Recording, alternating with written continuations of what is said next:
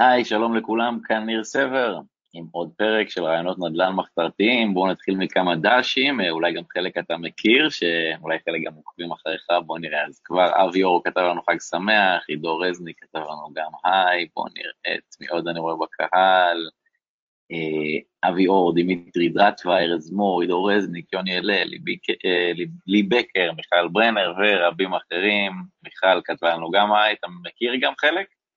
מכיר את כולם, מה זאת אומרת? ליצנות כלכלית. אה, מגניב. אה, יפה, יפה. אוקיי, אז בכל זאת אני אציג אותך, רק אולי גם חלק מהקהל שלי לא מכיר.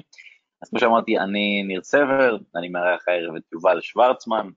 אנחנו נדבר על איך להגשים את החלומות שלכם ולתת לנדל"ן לממן אותם, ובכל זאת למי שגם לא מכיר את יובל מהקהל שלי, אז uh, כמו שכבר ראיתם, יובל הוא הליצן שעושה בית ספר לעולם השקעות הנדל"ן, הוא מהמייסד של חברת סמארט, הוא מלווה מדי שנה כמאה משפחות לרכישת דירות להשקעה יד ביד, משלב את איתור הנכס, המשא ומתן, שיפוץ הנכס, השכרתו, ניהולו.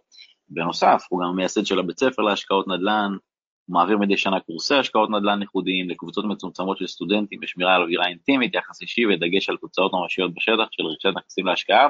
תהיו מרוכזים, יש לו הרבה הישגים, וגם הוא והצוות שלו מעבירים סיורי שטח לימודיים למעל 250 איש מדי שנה בערי ההתמחות שלהם בארץ. אם כל זה לא מספיק, אז הוא גם אה, מייסד הערוץ יוטיוב ליצנות כלכלית, וגם יש לו ערוץ מצליח שבו הוא מעניק כלים בנושאי פיננסים, השקעות, השגת רווחה כלכלי, ובנימה אישית, החל את דרכו כאיש הייטק בחברת סטארט-אפ, שבליבו חלם להיות שחקן טלוויזיה ותיאטרון, וכזה שנהנה מחופש כלכלי על ידי השקעות בנדל"ן. מאז הוא בהחלט מגשים את החלום, הוא משחק בתיאטרון באנגליה, הוא מחזיק מספר דו-ספרתי של נכסים בארץ ובחו"ל. וואו, וגם פודקאסט נהדר, עידו כותב. איזה פתיח. טוב, אז אני את החלק שלי כבר עשיתי לערב, בואו נראה מה לך יש להגיד. טוב, יש רגע, עוד אני... משהו שרוצים לדעת או שזה כבר הכל? אמ, לא יודע, יש המון, אבל אתה יודע, כל הטייטלים האלה, אני לא... לא צריך לתת להם יותר מדי משקל, זה רק מילים. כיף להיות פה, ניר, זה כיף עם כל האנשים כן, שעכשיו כן. איתנו בלייב. כן, יפה, וגם נוכל להכיר אותך לקהל שלי, אולי גם חלק עדיין לא מכירים אותך. אז בעצם כמה זמן אתה נמצא בתחום, אפשר לשאול, של הנדל"ן? אני נמצא בתחום הנדל"ן משנת 2008-2009,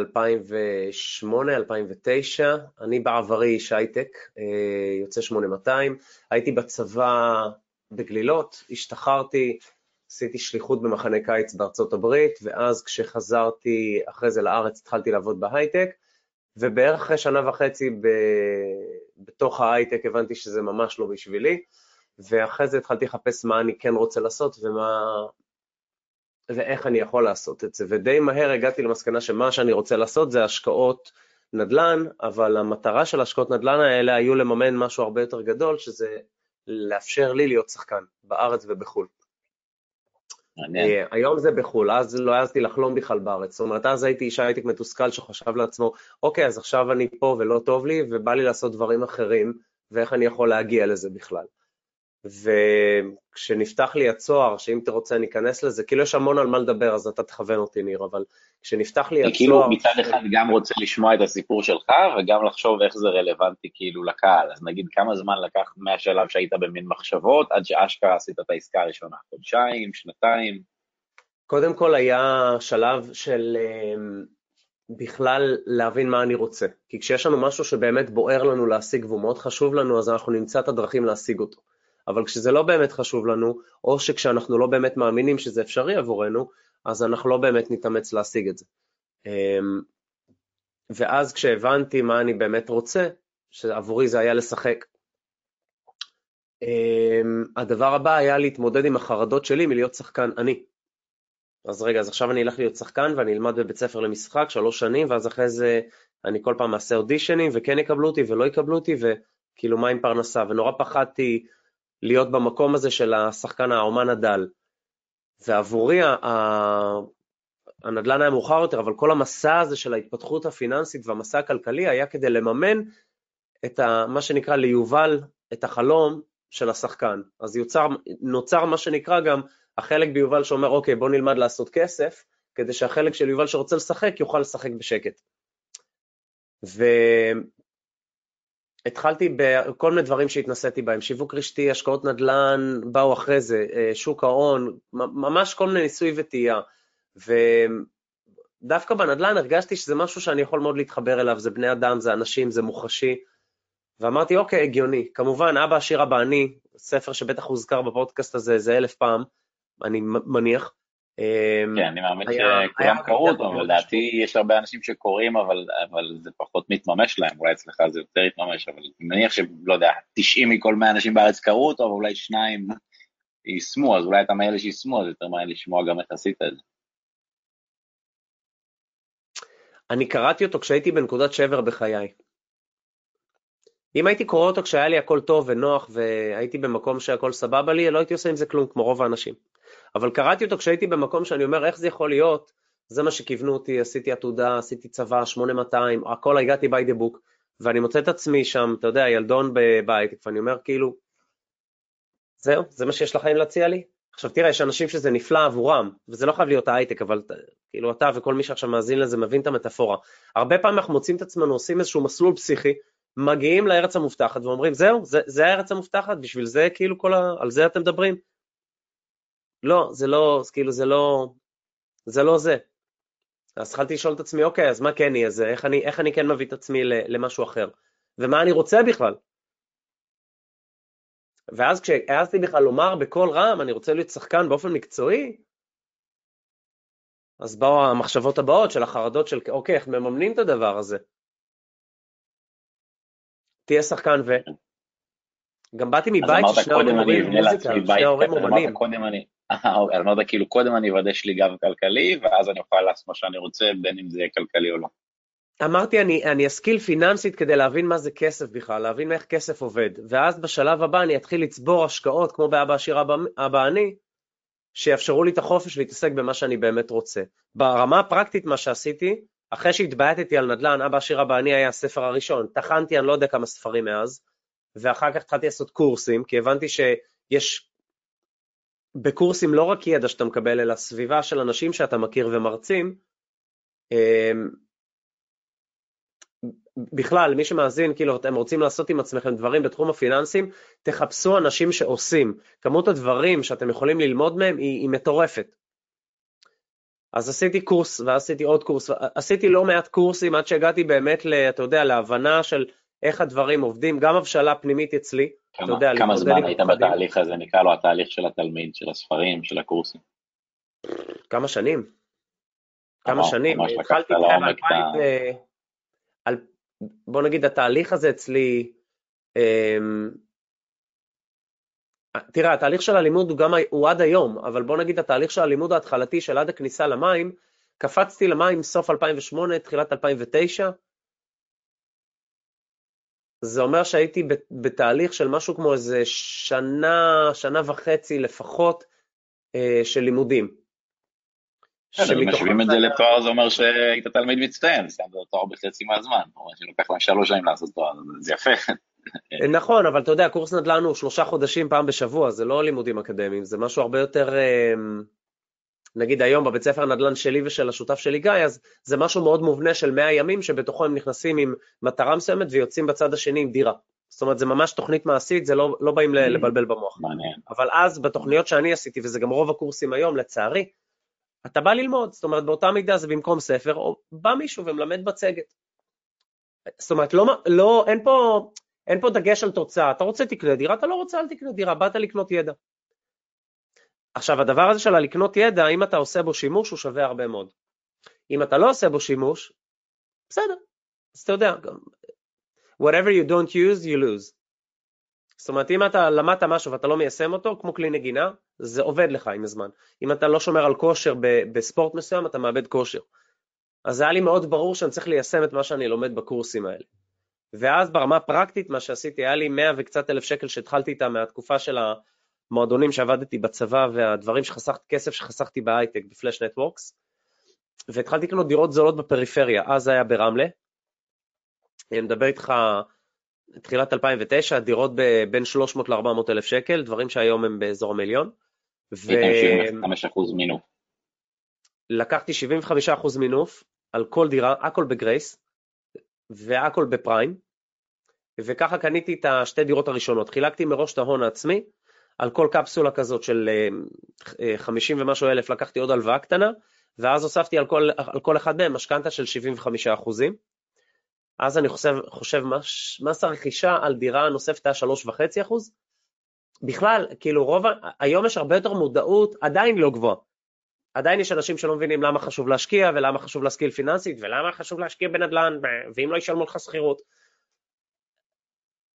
אבל גם, אתה יודע, גם היום יש את הדבר הזה, ואז בכלל זה היה הרבה יותר, מה, אתה לא נורמלי, ואתה תפסיד את כל הכסף, ומשכנתה זה רע, ואם לא ישלמו לך שכירות, כאילו כל מיני דברים כאלה.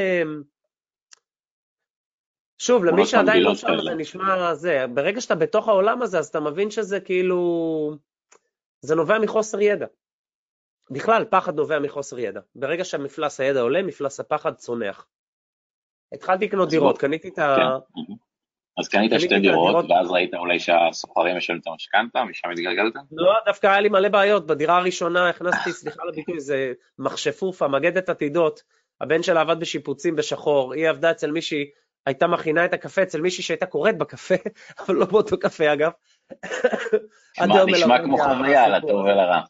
נשמע מעניין. לקח לי חצי שנה לפנות אותה דרך בית משפט. זו הייתה הדירה הראשונה שלי להשקעה. זה פחות כיף, אוקיי, אוקיי. אבל היה לך בעצם שתי דירות במקביל, אם הבנתי נכון. נכון, אבל זאת הייתה הראשונה, וחודש אחרי זה אה, קניתי את אוקיי. השנייה. אבל עד שקניתי את הראשונה הזאת, זה התהליך של ההבשלה עם עצמי, של הקורסים, של הספרים, וזה תהליך של כמה שנים. כי כבר רציתי לעשות את זה לקראת שחרור, כי לקראת שחרור קראתי פעם ראשונה בעשירה באני, ופעם שנייה קראתי אותו בהייטק כשהייתי במקום המאוד מאוד קשה הזה בחיי. רגע, אז באיזה גיל היית כשקנית את הדירה ברמלה? 2009, אני עליתי 83, אז הייתי אז משהו כמו 25, אמ, משהו כזה. אה, קבוצה, כן, מכובד, לא, יפה, כאילו לא...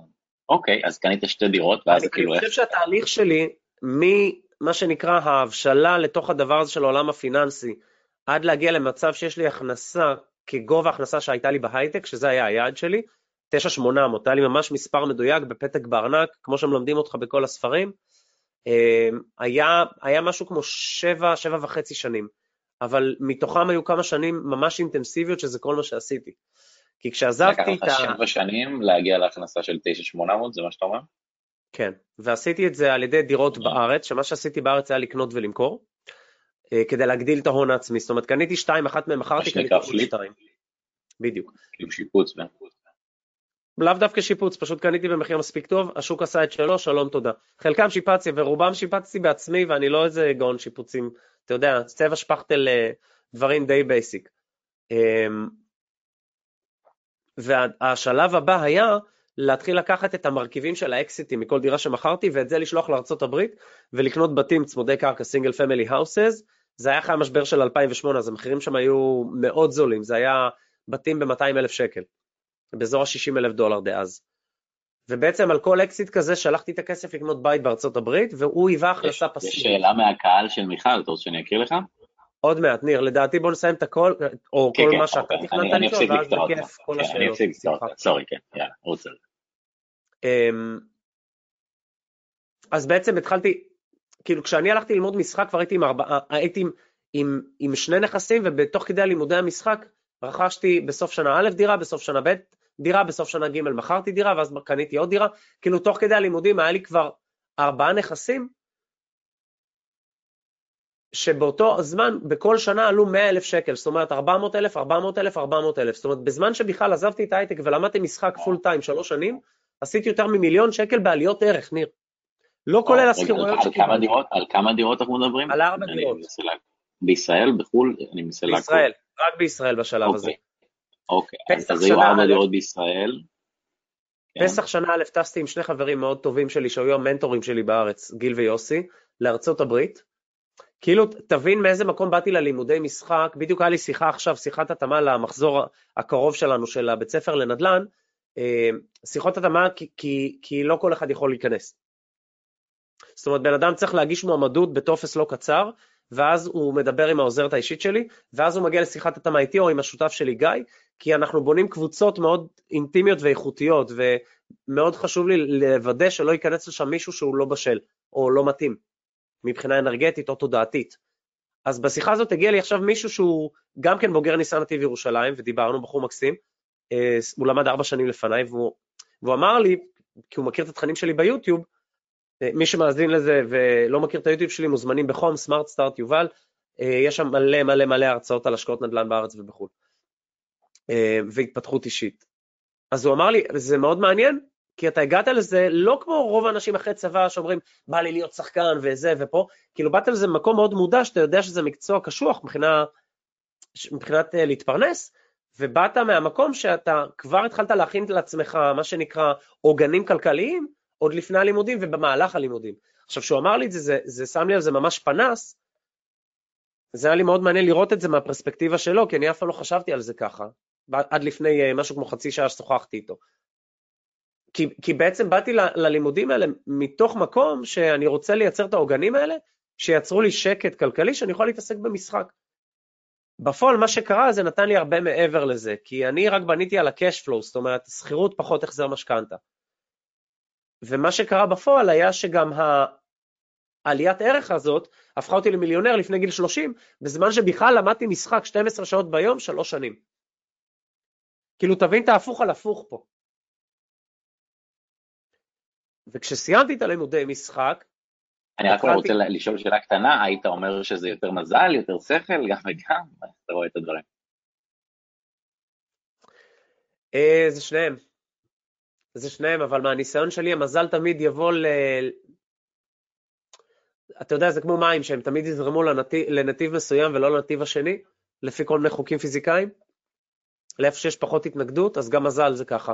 הוא ילך למי שעושה יותר עבודה ומה שנקרא מאפשר. כן, משפט שאני אוהב זה שיש לו מזל למי שעובד גם קשה וחכם. כן, סנקה אמר אה, שמזל זה אה, מוכנות שפוגשת הזדמנות.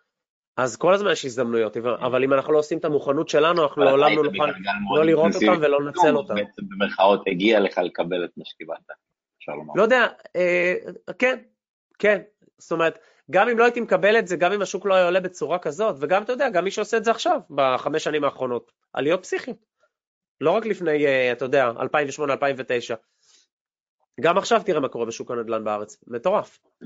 ואם אני בעצם מבין נכון, אז היה לך יתרון על זה שמינפת על מינפת והיה לך בעצם ארבע דירות, לעומת מישהו אולי יותר סולידי שהיה לו רק דירה אחת, ואז בעצם הרווחת נכון, נכון, וזה, וזה נתן לי גם כמה הבנות של וואי, הייתי צריך למנף את עצמי עוד יותר ולבוא לפה עם עשר דירות, וזה היה הדבר הבא שעשיתי אחרי שיצאתי מהבית ספר למשחק, זה היה איך אני מגיע כמה שיותר מהר לעשר דירות.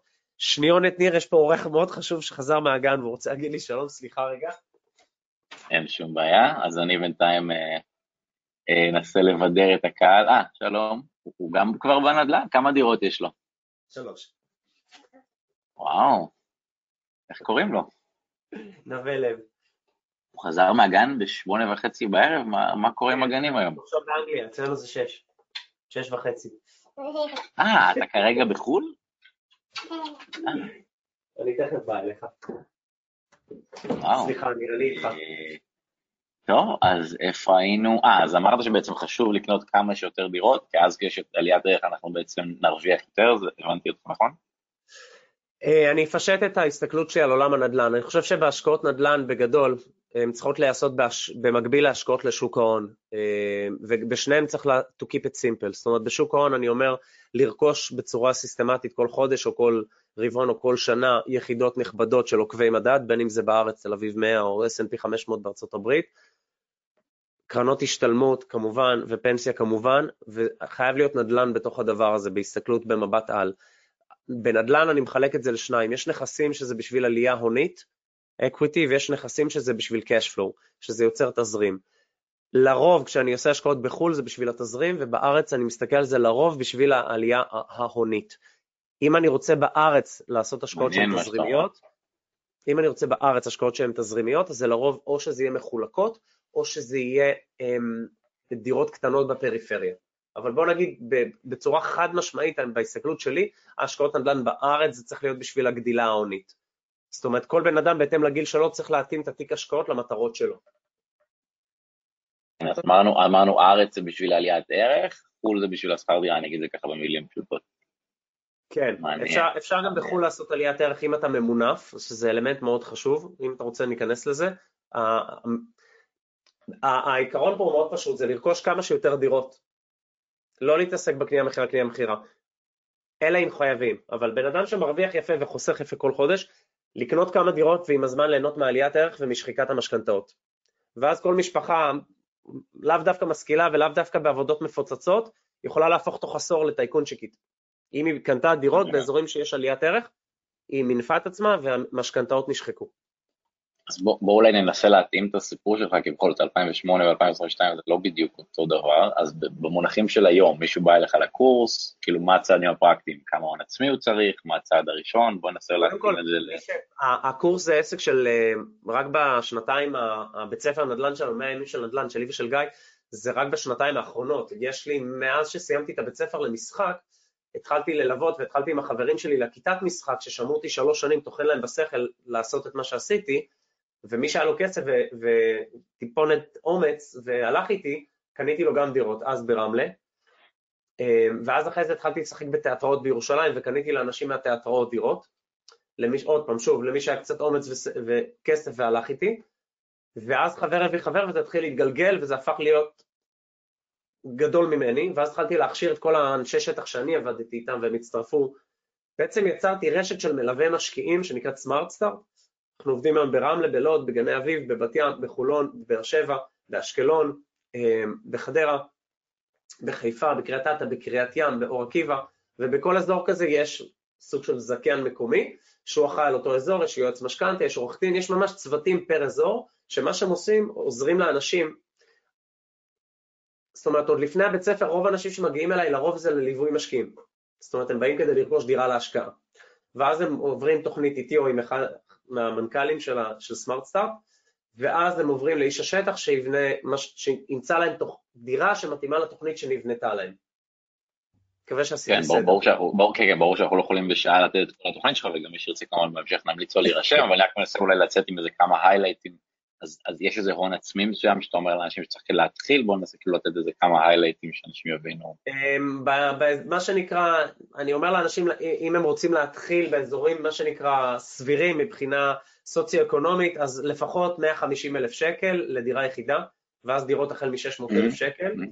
חוץ מזה mm-hmm. צריך עוד חמישה אחוז ככלל אצבע להוצאות נלוות, וכשזה דירה נוספת, עוד שמונה אחוז מס רכישה על כל דירה שרוכשים, ויש משכנתה נמוכה יותר על דירה נוספת, אלא אם מגדירים אותה כחלופית. אם חלופית זה יכול להיות 70 אחוז, אם לא כחלופית זה 50 אחוז. אז בהתאם לזה צריך לשבת... 150 אלף זה ההון שצריך לדעתי? לפחות. בדרך כלל באים אליי אנשים עם 200 ומעלה. אוקיי, okay, אז, אז יש כרגע למי ששומע אותנו, כמובן יכול לעזור בך, אבל רק שהוא יבין, אז יש לו 200 אלף שקל, ומה יהיו השלבים הבאים שהוא צפוי לעשות? בשמחה. אה, מגיעים בדרך כלל לפגישה אצלנו, לפגישה לבניית תוכנית ואסטרטגיה, השלב אחרי זה זה מוציאים אישור משכנתה, אחרי זה יוצאים לשטח לחפש דירה, אחרי שמוצאים דירות עושים משא ומתן להגיע למחיר הכי טוב שאפשר, קונים את הדירה, משלמים את ההון העצמי, משלמים את המשכנתה, מקבלים את הדירה, כמובן לפני זה בודקים אצל העורך דין שהכל כשר משפטית וכדומה, רישומית, מקבלים את הדירה, אם צריך לשפץ משפצים ואז משכירים. ואז מה שנקרא נכנסים לפועל השני הגורמים הנוספים בנדל"ן שמעניינים, שזה השבחה והתאמה לקהל היעד מבחינת ההשכרה. אז הוא בעצם עשה את כל מה שאמרת עכשיו, עכשיו יש לו דירה אחת. הוא חוזר לחיים שלו, המסע נגמר, או שהוא ממשיך למנף, או מה הלאה? אני אפשט את זה. מי שמה שנקרא אומר, אין לי זמן לזה, אני עייף, בואו תעשו לי שק קמח, או שלא מתאים לו, או שאין לו זמן לזה כי הוא עסוק, או מכל סיבה שהיא, הוא בא לעשות ליווי. מי שאומר אני רוצה ללמוד ולעשות לבד, בא לבית ספר. מי שבבית ספר באיזשהו שלב אומר וואלה נהיה לי עמוס, גם אישה, ילדים, עניינים, יש לי הרבה על הראש, אני רוצה לעבור, שתעשו לי סכמח, יכול לעבור מהבית ספר גם לליווי. אבל בגדול אלה שני המסלולים העיקריים של האנשים שמגיעים אלינו. ברוך השם אנחנו אמ, עוזרים, בשנים האחרונות יצאנו לעזור בכל שנה לכמאה משפחות לקנות דירות בארץ בליווי. מהדרום. כן, אני רק שואל, אם אחרי שהם קנו דירה אחת, הם אומרים, טוב, המשימה הושלמה, אני חוזר לחיים שלי, או שאיך אני יכול שממשיכים הלאה למנף לדירה השנייה, מה... שאלה מעולה. לרוב התוכנית שאנחנו עושים מהאנשים זה איך הם מגיעים למצב שמראש, מה שנקרא, מחזיקים תמונה בראש, לאיך הם מגיעים למצב שהם מחזיקים לפחות שלושה נכסים בארץ. גם אם באו לבית ספר וגם אם הם באו לליווי. זאת אומרת, בן אדם מגיע, קנה דירה, הוא כבר בראש מבין שהוא צריך להתכוונן לדירה השנייה והשלישית שלו. זהו, זה, החלק שהייתי שמח לשמוע עליו עוד. אה, אוקיי, אז הם קנו דירה אחת, איך הם הולכים לדירה השנייה והשלישית? על זה לדעתי עוד לא דיברנו. היה אצלי מקודם בחור, יובל, מקסים, עם אמא שלו איריס, אה,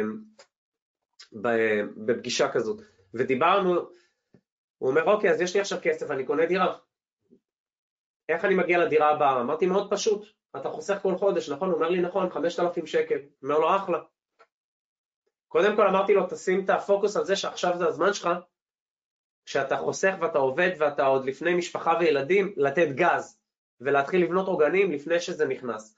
מי שמאזין לנו וכבר מה שנקרא הוא במקום הזה של משפחה וילדים, אין שום מניעה שגם אתם לא תעשו את זה, אבל אתם שאתם מאזינים שאתם עדיין רווקים לפני משפחה וילדים, על אחת כמה וכמה יש לכם יותר פניות לזה, תעשו את זה. אני היום אומר תודה שעשיתי את הדברים האלה בשנות ה-20 שלי, כי היום אני, ב, היום אני בן 38, עוד כמה חודשים 39, אנחנו כבר אה, קרוב לעשר שנים אני נהנה מהפירות האלה, ואני כל הזמן זורע עוד ועוד ועוד ועוד ועוד. אז ה-5,000 שקל שהבחור שסיפרתי מקודם, שגם לא קוראים יובל, חוסך כל חודש, אמרתי לו, מאוד בפשטות, אתה יכול לקחת עכשיו הלוואה, בין אם ההלוואה זולה מהקרנות, הכוונה שלי קרן השתלמות, קופות גמל להשקעה, פוליסות חיסכון וכדומה, שהלוואות מאוד מאוד זולות מהם ובתנאים מאוד נוחים, גם על חלק מהמרכיב הפנסיוני, או הלוואות מהבנקים. ואז לדוגמה לקחת עכשיו 200 או 250 אלף שקל ולהחזיר אותם עם אותם 5,000 כל חודש, ואז נניח תוך 5 שנים או 4 שנים או תלוי כמה הוא מחזיר כל חודש לסיים את ההלוואה. אבל כבר עכשיו עם אותם 250 לקנות את דירה מספר 2. וכבר להתחיל, מה שנקרא, לדפוק פזם, ליהנות מעליית ערך ושחיקת משכנתה. רגע, אז הוא קנה את הדירה הראשונה עם ההון העצמי שהיה לו פלוס מינוס, את הדירה השנייה, את הדירה השנייה הוא קנה על סמך קרנות וכאלה, זה הדירה השנייה, אוקיי, ואז את הדירה השלישית. לקחת הלוואה מהקרנות, בדיוק, בהנחה שיש, רוב האנשים יש, והדירה השלישית לקחת הלוואה מהבנק ולהחזיר אותה עם המרכיב שנחסך כל חודש. כמובן שאנשים שבמינוסים, אוברדרפט ודברים כאלה, קודם כל, מה שנקרא טיפול שורש, כלכלת המשפחה, פעמונים, whatever, לקחת אחד על אחד מה שאתם צריכים כדי לצאת מהמצב התזרימי השלילי, לצאת ממאזן שלילי ולהגיע לסיטואציה שאתם במאזן חיובי. אחר כך להיות בסיטואציה שאתם כבר חוסכים כל חודש ומשקיעים. את הדירה השלישית הוא יכול לקנות בלי הון עצמי על סמך הדירות הראשונות והשניות שהוא יכול לשים כבטוחה, אם אני מבין נכון. לא, התכוונתי שאת הדירה השלישית הוא יקנה על ידי הלוואה שהוא ייקח מהבנק בשביל מרכיב ההון העצמי, והוא יחזיר את ההלוואה הזאת עם ה-5,000 שקל בכל חודש האלה שהוא כבר היום יודע לחסוך. אבל באותה מידה זה יכול להיות 2,000 או 3,000 או כמה שהוא יודע לחסוך בהתאם לסכום שהוא לוקח הלוואה ולפריסה. אפשר גם לפרוס את ההלוואות האלה לעשר שנים, לפעמים יותר. אז אם אני, אם אני מנסה כאילו איכשהו לשים את זה בנתונים שקל להבין, אז אנחנו צריכים הון עצמי של 200 והכנסה פנויה של 5,000, אני מבין נכון? אתה לא חייב 5,000, אתה יכול לקחת לדוגמה, נניח שאני לוקח הלוואה של 100,000 שקל, ואם אני יודע להחזיר 100,000 שקל בשנה, אז תוך שנה אני מסיים אותה. אם אני יודע להחזיר את ה-100,000 שקל תוך שנתיים, אז תוך שנתיים. זה תלוי כמה שאתה יודע לחסוך כל חודש יקבע את הקצב שבו אתה תחזיר את ההלוואה, לפי ההחזר החודשי. אבל הנה יש לנו למשל שאלה של מיכל מהקהל, מה קורה אם אי אפשר לקחת משכנתה, לדוגמה אח שלי עצמאי ולא יכול להוציא משכנתה, אם יש דרכים אחרות. אני, אני מציע, ניר, שתשאל אותי אתה את כל מה שאתה רוצה ואז ניתן זמן לשאלות מהקהל. כי היה פה בתוך השאלה הזאת כל מיני הנחות יסוד מוטות. אוקיי, אז אולי במילים אחרות, מה עושה מישהו שלא יכול לקבל משכנתה, אבל זו השאלה. אוקיי, איך אני יכול לקבל משכנתה? בשביל לקבל משכנתה אני צריך להראות שיש לי הכנסות מסודרות, לפחות שלושה חודשים אחורה. זאת אומרת, אני בא לגוף שנותן uh, כסף, שזה הבנק, שהוא קיים בשביל לתת כסף. זה, וזה זה גם קונספט שהרבה אנשים שבאים לבנק הם מרגישים כזאת התרגשות. חבר'ה, אתם לא עושים להם טובה, הם עושים, הפרה רוצה להעניק בדיוק כמו שהעגל רוצה לנהוג. כשאני בא לבנק אני צריך שיהיה לי לפחות שלושה חודשי עבודה, בין אם זה כשכיר או כעצמאי, זה לא משנה. אם זה כעצמאי אני מראה את זה כדוחות מהרואה חשבון. ואז אני יכול לקבל משכנתה. מה עוד הבנק יראה? הבנק רוצה לראות את ההכנסות וההוצאות שלי, או במילים אחרות את ההכנסה הפנויה.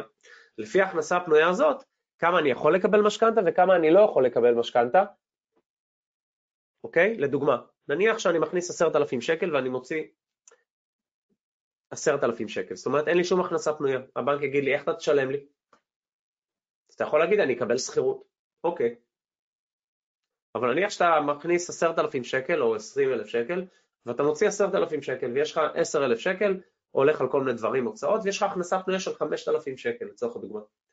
ואז אתה בא לבנק ואתה אומר אני אוכל מה שנקרא מהחמשת אלפים שקל האלה להחזיר כל חודש משכנתה. אז הבנק יגיד אין בעיה, אז אני יכול לפרוס לך לפי ההחזר של מקסימום 5,000 שקל בחודש, משכנתה לככה וככה שנים. ככה וככה שנים, זה כבר ייגזר מהגיל שלך. אפשר להיכנס לתוך הדלת הזאת עכשיו לעולם המשכנתאות, אבל נראה לי שיהיה חבל להתמקד בזה בלייב הזה, כי יהיה עדיף לך לדבר כבר עם איש מש... לגמרי, לא, אני איתך לגמרי שם, אז אולי באמת שווה לך טיפה לדבר על mindset ולגרום לאנשים להעיז בכלל לעשות את הצעד, אולי היינו קצת יותר מדי פרקטיים, אולי שווה לחזור רגע ל mindset. אמ, אני חושב בכלל שהנדל"ן וכל ההנעה לפעולה וכל הדברים האלה זה, זה רק קצה הקרחון הקטן, קטן, קטן, קטן, קטן. הדבר הבאמת מעניין פה, איך אני אגיד את זה? Uh, זה לא הנדל"ן, האדם הוא הנכס. תודה, שינוי תודעתי. האדם זה הנכס, זה לא נדל"ן, כי אם אתה לוקח בן אדם שבנה את עצמו והוא צבר נכסים ולא משנה בכלל באיזה תחום הוא בנה את עצמו, ומה שנקרא הוא יורד מנכסיו, הוא פושט רגל או משהו, הוא ידע שוב לטפס על ההר הזה. כי הוא התאמן ולמד ועשה את זה שוב ושוב ושוב. אבל מישהו שאף פעם לא עשה את זה, אתה תניח אותו על קצה ההר, הוא ימות שם, הוא לא ידע איך לטפס בחזרה למטה, הוא לא ישרוד. כמו אנשים שזוכים בלוטו ופושטים רגל. בול. בול. בכלל, בוא, לפני שאנחנו מדברים רגע על, על, על תודה, עוני לא קשור באינטליגנציה, או בכמה בן אדם יפה, או בכמה בן אדם מוכשר, זה כל הדברים האלה עוזרים. עוני זה עניין תודעתי, זה עניין מנטלי, נפוליאוני הגדיר את זה מאוד יפה, שעוני זה מחלה מנטלית. זאת אומרת, אם אתה לא משכיל את האנשים פיננסית, ותודעתית, שתכף נדבר על זה, שזה הכי חשוב, איזה חופש כלכלי? איזה נכסים? איזה... כלום, אין על מה לדבר בכלל. זה כמו, אתה יודע, עוד לא שמת נעליים ואתה מדבר על אה, לרוץ, אה, לעשות איירון מן לפני שרצת חמש קילומטר. התפתחות אישית, ואני אומר את זה בכל הזדמנות שיש לי על כל במה שאני זוכה לעלות עליה, ב, ב, מה שנקרא, בתכנים של ההתפתחות והנדל"ן, זה האבני בניין לדבר הזה. וזה צריך לקרות ברמה היומית, אני קורא לזה שטיפה מנטלית, יש לזה הרבה שמות, עשר דקות ביום לפחות, לשמוע תכנים מאזינים, וזה לא משנה, אבל זה צריך להיות בתחומים שבהם אתם רוצים להזין את עצמכם. בן אדם קם בבוקר, פותח עיתון, שותה קפה, קורא על כל הזוועות של העולם. פלא שהיום שלו אחר כך הוא לא מיטבי? מצד שני קם בן אדם אחר, עושה ריצת בוקר, קם לפני כולם, שומע הרצאת מוטיבציה, לא משנה, ג'ים רון, טוני רובינס, זיג זיגלר, יש כל כך הרבה, גם בעברית יש ברוך השם כבר תכנים מאוד יפים. אומר בואנה, איזה יום יפה, איזה כיף שאני קמתי, איזה כיף להיות קיים. איזה כיף להיות קיים, איזה... תודה על הרגע הזה. יוצא ליום שלו. זה שני אנשים שיחוו יום בצורה שונה לחלוטין. אותם אירועים יקרו לשני אנשים, אחד מהם יראה בהכל הזדמנויות והשני יראה בהכל, אה עכשיו זה קרה לי, עכשיו זה קרה לי, עכשיו זה קרה לי. והכל נובע מלכתחילה מהדשן שיש פה במוח, בין האוזניים. הדשן הזה הוא צריך להיות דשן איכותי, וזה מה שנותן את ההתפתחות האישית. עשר דקות ביום של להאזין לתכנים, לקרוא ספרים, עשרה עמודים ביום. בבית ספר נדל"ן אנחנו המון מקדישים זמן להתפתחות אישית והרגלים, גם השותף שלי גיא מנדלסון הוא פריק של הדברים האלה וזה עשה עבורו המון. עשר דקות ביום לקרוא בספרים, בין אם זה של התפתחות, בין אם זה בהתייעלות, בין אם זה בהשקעות, בין אם זה בנדל"ן, במה שאתם רוצים להזין את עצמכם. חשוב לזכור משהו, מה שאני מארח בתוכי זה מה שאני הופך להיות. אם אני מארח בתוכי את כל הזוועות של העולם מעיתון הבוקר, עם זה אני מסתובב כל היום. כנ"ל לשבת ולצפות בחדשות. אם אני מארח בתוכי הרצאות מוטיבציה ואני שומע על אנשים שמגשימים את עצמם ועושים טוב בעולם ועושים דברים נפלאים ומספרים לך כמה נפלא זה להיות עשיר כי אתה יכול לעשות כל כך הרבה יותר טוב בעולם עם הכסף שלך ולתרום ולבנות וליצור כסף זה הרי כמו פטיש, אני יכול לעשות אותו זוועה ואני יכול לבנות איתו דברים. תלוי מי הבן אדם שמחזיק בכסף. כסף לעצמו הוא כלום, הוא רעיון. היום זה נייר מודפס, לפני זה היה, אתה יודע, בקר ו- ופירות. אבל העניין התודעתי פה, זה, זה הקרחון עצמו, זה 99% מהקרחון. ה-1% זה במה אני בוחר ליישם את הדברים. בין אם זה נדל"ן, בין אם זה אצלי תיאטרון, אתה מבין? כשאני יצאתי... באמת אה, יפה, כן, אתה מדבר יפה גם, יש לך הסתכלות חיובית כזה, אהבתי. אני לא חושב שיש דרך להגיע רחוק בלי זה, ניר. זאת אומרת, אתה חייב להיות, אתה חייב להיות חיובי בדברים שאתה עושה, אתה חייב לראות איך זה כן יכול לקרות, אתה חייב להאמין, להאמין שזה אפשרי עבורך, ולעשות את הכי טוב שלך כל יום כדי שזה יקרה. אני שבע פעמים לא התקבלתי לבתי ספר למשחק בארץ, במדינת ישראל. אמרתי, אוקיי, בסדר, חסר לי ידע, אני צריך ללמוד דברים מסוימים. היה גם חסרה לי הרבה ענווה. אז התחלתי ללמוד, הלכתי, עשיתי מכינה, עשיתי סדנות. כשאחר כך באתי לבחינות כבר היה לי את הידע, ידעתי מה אני עושה. התקבלתי לכמה בתי ספר, בחרתי בניסן נתיב בירושלים, למדתי שם שלוש שנים, סיימתי, נכנסתי לתיאטרון. כשהקמתי עסק, עוד פעם, הלכתי לצבור ידע איך מקימים עסק. כשעשיתי את הנדל"ן, צברתי ידע איך עושים נדל"ן. עשיתי בית ספר, אוקיי, צברתי ידע איך עושים בית ספר. כאילו, יש לזה נוסחאות. אם אתה קורא, אתה יודע, ביוגרפיות של אנשים מצליחים, יש לזה נוסחאות, אתה לא צריך להמציא את הגלגל. אבל הרבה פעמים אנחנו, או שלא מוכנים לשלם את המחיר, בכסף, על ללכת לרכוש ידע ממישהו, או שאנחנו לא מוכנים לשלם את המחיר של המאמץ הנדרש. וולט דיסני יש משפט מדהים, הוא אומר, אתה יכול להגשים את כל החלומות שלך, אם אתה תהיה מוכן לשלם את המחיר של ההגשמה שלהם. עכשיו, כמה שהחלומות שלך יותר גדולים, ככה המחיר הזה יותר גדול. וזה בעולם ההשקעות וזה בכל הדברים שלך. הרבה פעמים אנשים באים אליי, אני אומר, בסדר, אז אתה רוצה לעשות את זה, אוקיי, אז אתה מחפש פה ביטחון, איזשהו ביטחון כלכלי, אני מבין את זה, אבל מה באמת מניע את זה? בין אם זה הכנסה חודשית מסוימת או בין אם זה כמה מיליונים בעובר ושב. מה זה באמת מאפשר לך לעשות? מה אתה באמת רוצה לעשות בעולם הזה? עכשיו קיבלת פה, אני לא יודע כמה שנים, 60, 70, 80, 90, מה אתה רוצה לעשות איתם? אני חושב שבן אדם, כשהוא באמת מקדיש מחשבה למה הוא רוצה לעשות פה בזמן שיש לו,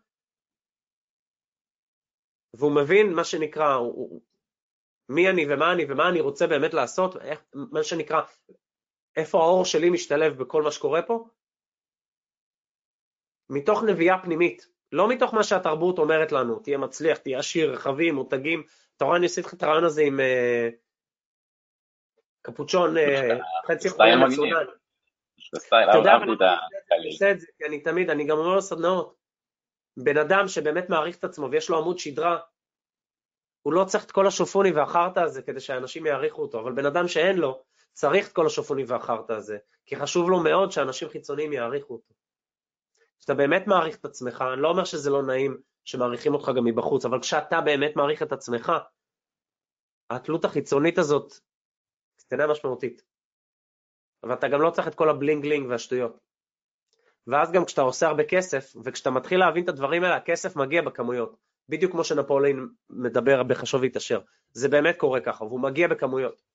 ואז אתה גם יודע מה לעשות עם הכסף, כי אתה מבין מה עיקר ומה טפל. ואז אתה מתחיל לייעל אותו גם בשביל לעשות דברים טובים בעולם. כאילו, אתה יודע, יש פה כל כך הרבה רבדים לדבר עליהם, אני, אני... הדבר העיקרי שאני חושב שאני רוצה שאנשים ייקחו מהאזנה ל... גם מי שעכשיו איתנו פה בלייב וגם מי שיאזין לזה אחרי זה בהקלטה על הפודקאסט, תשקיעו בעצמכם, אתם הנכס היקר ביותר של עצמכם. האדם הוא הנכס.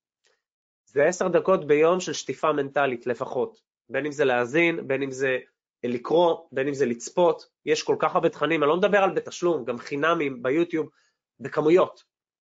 אבל בן אדם צריך לשים לעצמו את זה בתודעה, שזה לא רק חשוב, זה אקוטי להצלחה שלך. כי בן אדם לא יכול לאכול junk food כל היום ולצפות שהוא יהיה חטוב ומהמם. באותה מידה בן אדם לא יכול להזין את עצמו, סליחה על הביטוי, בזבל, ולצפות להיות מצליחן. כי כדי להיות מצליחן אתה צריך להיות באנרגיה גבוהה, ואתה צריך להיות בן אדם חיובי, ואתה צריך להיות בן אדם שמוכן לעשות את ה extra mile ויותר בשביל החלומות שלו. לא בן אדם שאומר, אה, בסדר. בהייטק ראיתי אנשים שעושים את המינימום הנדרש, לא רק בהייטק, בהרבה עבודות שעבדתי כשכיר, את המינימום הנדרש, וציפו שיקדמו אותם. והיום אני, שיחות עם כל מיני חברים מעולמות אחרים שהם לא עולמות ההתפתחות וההשקעות. אתה יודע, בירה פה, כדורגל שם, ספורט ביחד, אימון, וכאילו מצפים שמשהו יקרה. ואני אומר, ריבונו של עולם, אפס תודעה, אפס תודעה. אנשים טובים, משכילים, הכל, מוצלחים, אבל תודעה, אין שם שום התפתחות אישית. אם אני עכשיו לא יוצא ושותל משהו בגינה, משהו יגדל בגינה הזאת? כמובן שלא. וגם אחרי ששתלתי אני צריך לטפח את זה.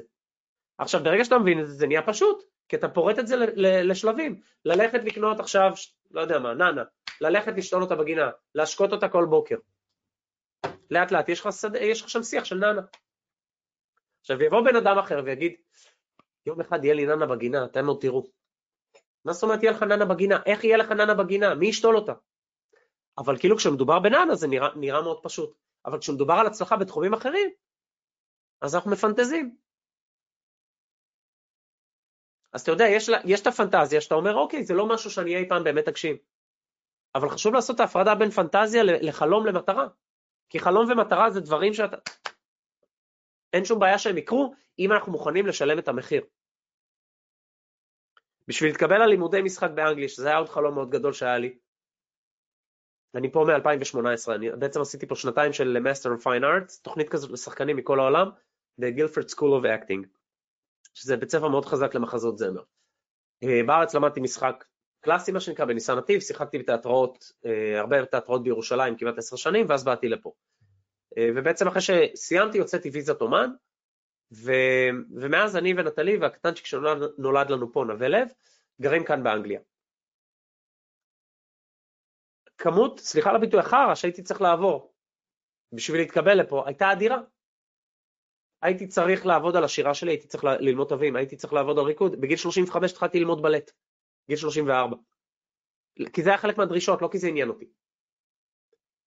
ואז באתי לפה לכל הבחינות, ואז לשמחתי התקבלתי למקום הזה, ואז עברתי לפה, והלימודים עצמם, גם כן, בעיקר השנה הראשונה, להיות זר במדינה אחרת, זה, זה בלתי נתפס, זה, באמת, אין לי מילים לתאר כמה זה קשה.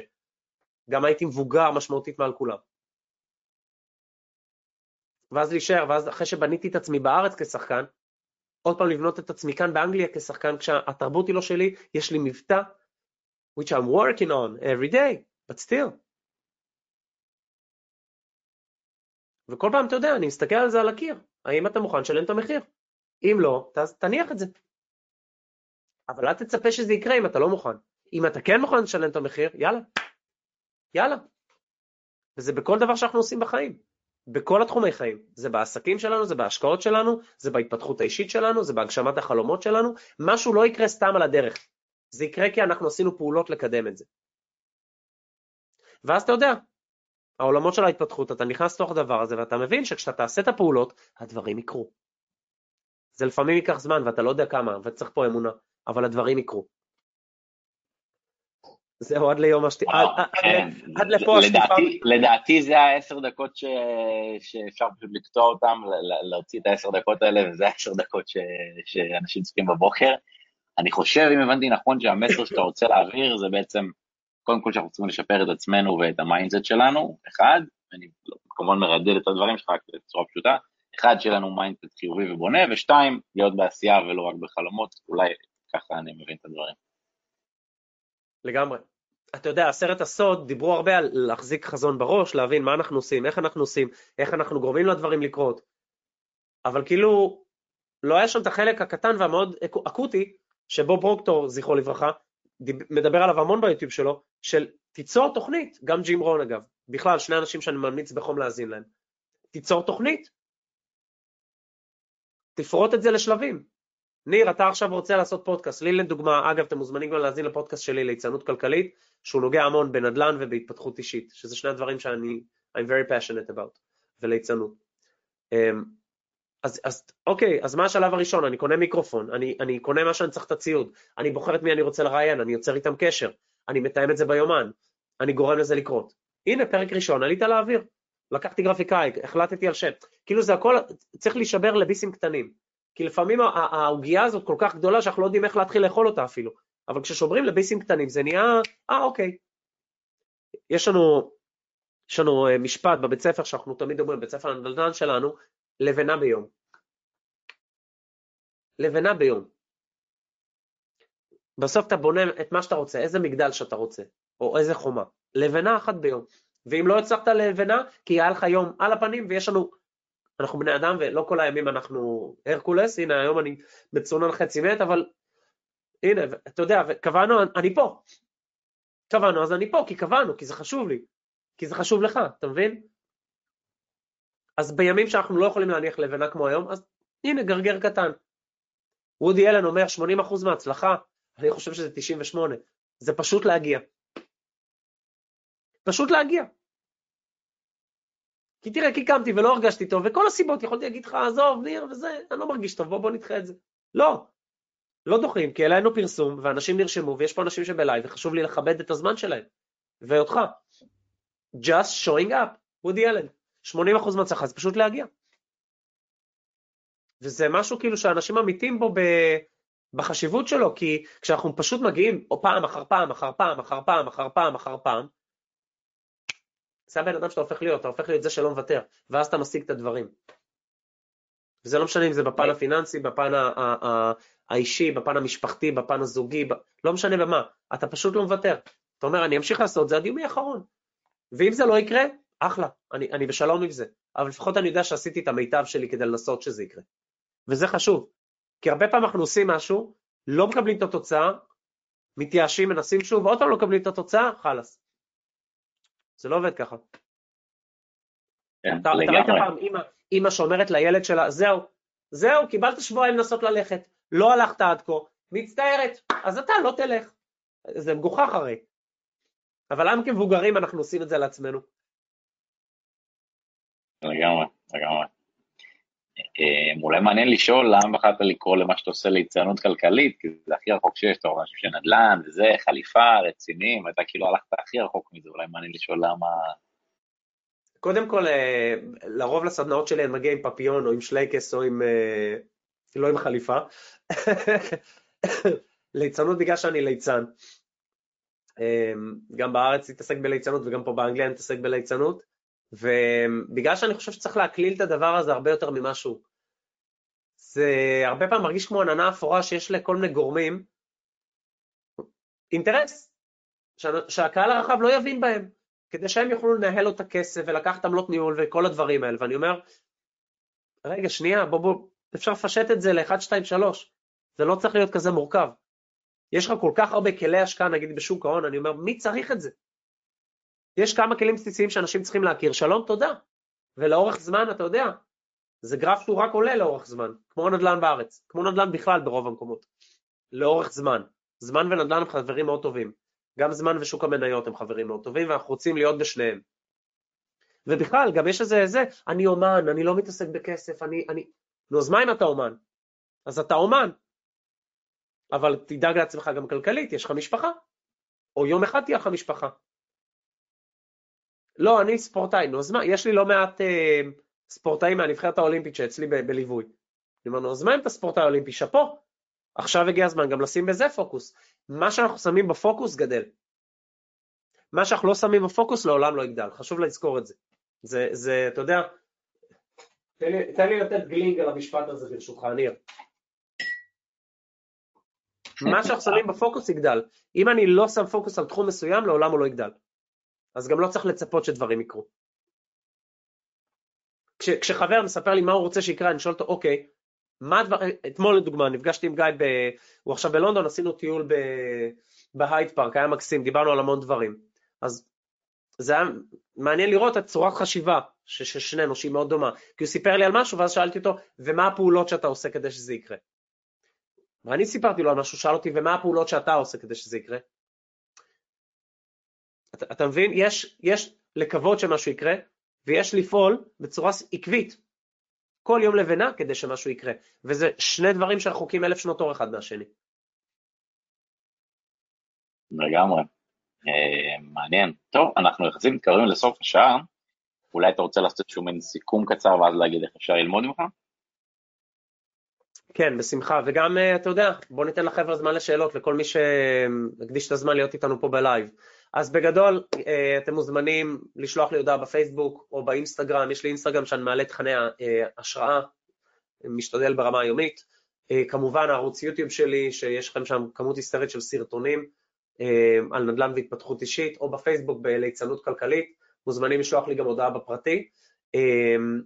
או להיכנס לאתר שלנו, SmartStart, co.il, להשאיר לנו טופס ואנחנו פשוט ניצור איתכם קשר, מה שנוח לכם, אה, ואז העוזרת שלי תדבר איתכם, ובין אם אתם רוצים את הבית ספר, בין אם אתם רוצים ליווי, או בין אם בכלל כל הדברים שאנחנו מתעסקים, יש מה שיכול להועיל לכם, בשמחה, בשביל זה אנחנו פה. אה, שואלים אותי מה, מה העסק עושה, אני אומר תמיד העסק עוזר לאנשים להתקדם כלכלית על ידי צבירת נכסים. היום אנחנו עושים את זה בעיקר דרך נדל"ן.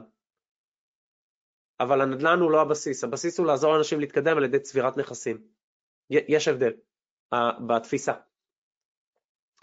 ואני מקווה שהפקתם ערך מה, מהשידורון הזה. Uh, כן, לגמרי, היה מרתק, הזמן עבר מהר. הייתה שאלה של מיכל קודם, אם בשבע שנים האלה שדיברת עליהן, גם עבדת בהייטק תוך כדי. לא, עבדתי בהייטק שנה וחצי, אחרי שנה וחצי. קודם כל, היה שלב מסוים שירדתי ל-80% משרה, כי הרגשתי שאני נחנק, ואז רציתי כבר לרדת ל-60%, אמרו לי לא חביבי, זהו, אמרתי תודה רבה, אז בואו תפטרו אותי שאני אקבל פיצויים וניפרד כחברים. אה, החזקתי שם משהו כמו שנה וחצי. אחר כך הלכתי ועבדתי בשיפוצים, מתוך מחשבה שצריך להיות שיפוצניק כדי לעשות נדל"ן, which you, did, which you don't, כאילו, זה לא היה הכרחי בכלל, אבל זו הייתה תחנה שכנראה הייתי צריך לעבור בה, ואחר כך עבדתי בכל מיני דברים אחרים, ביניהם גם הדרכה, אה, כי אני אוהב אנשים ואני אוהב ללמד ולהכווין, אמ, ומשם זה נהיה התעסקות ממש מסיבית רק בנדל"ן, במקביל לימי הולדת שהתחלתי לעשות לילדים, ואחר כך הלכתי ללמוד משחק שלוש שנים, מ-2010 עד 2013. יפה, טוב, באמת אה, השעה עברה אה, מאוד מאוד מהר. מי שרוצה ככה לקחת את הדברים לרמה הבאה, אה, אתה רוצה אולי לספר על התוכנית ליווי? בשמחה. אז בליווי בעצם אתם מגיעים קמח, מה שהסברתי מקודם. בליווי אנשים מגיעים, אנחנו לוקחים אותם מנקודה א' לב', מה שנקרא מישהו מנוסה שחצה כבר את הג'ונגל הזה הלוך ושוב הלוך ושוב אה, אלפי פעמים, הוא לוקח אתכם לשק קמח ומעביר אתכם מהנקודה שאתם נמצאים כעת לנקודה שיש לכם כבר דירה משופצת, מושכרת וכדומה. מי מכם שרוצה ללמוד מוזמנים לבוא לבית ספר שלנו. יש לכם גם את זה וגם את זה. מה שנכון לכם תבואו בשמחה. אבל בלי קשר, תעשו. בין אם זה קשור אליי, לא קשור אליי, לא רלוונטי בכלל, תעשו. ואם אתם מרגישים שחסר לכם ידע, תקראו ספרים, תעשו קורסים, תצברו את הידע הזה ותעשו. תדאגו שבלי קשר לעבודה השוטפת שלכם ביום-יום, יש לכם גם נדל"ן ברקע שעובד עבורכם. וכל שנה השווי עולה והמשכנתאות נשחקות. אל תדלגו על הדבר הזה, זה דבר מאוד מאוד מאוד חשוב. יפה, היה באמת אה, אחלה, ואולי אפילו אני ממליץ לאנשים, או שאולי אפילו אני אעשה את זה, או שאולי אתה יודע, לחתוך את העשר דקות שם, שהיה לך איזה מיני פיץ' כזה, זה לגמרי היה העשר דקות האלה שדיברנו עליהן, היה באמת חבל הזמן, וגם השתדלתי לא לקטוע אותך כדי שזה יהיה רק אתה ברצף, אז היה מעולה.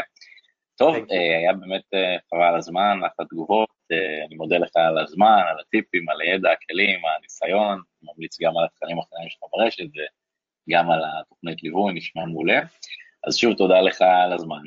תודה לכל מי שהיה איתנו, ומי שרוצה להמשיך לקבל תכנים, וטוב, מי שבספוטיפיי לא רואה, אבל אה, יובל שם מין, אה, איך, איך, איך לקרוא לזה? איך קוראים לעיגול הזה? האף האדום הקסום. אה, אוקיי, אז מי שרוצה גם לעבור ליוטיוב מהספוטיפיי ולראות את האף האדום הקסום מוזמן.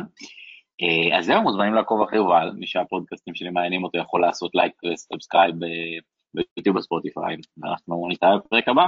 עד כאן לבינתיים, ביי בינתיים ובהצלחה לכולם. ביי חברים, להתראות. תודה רבה ניר על הזכות.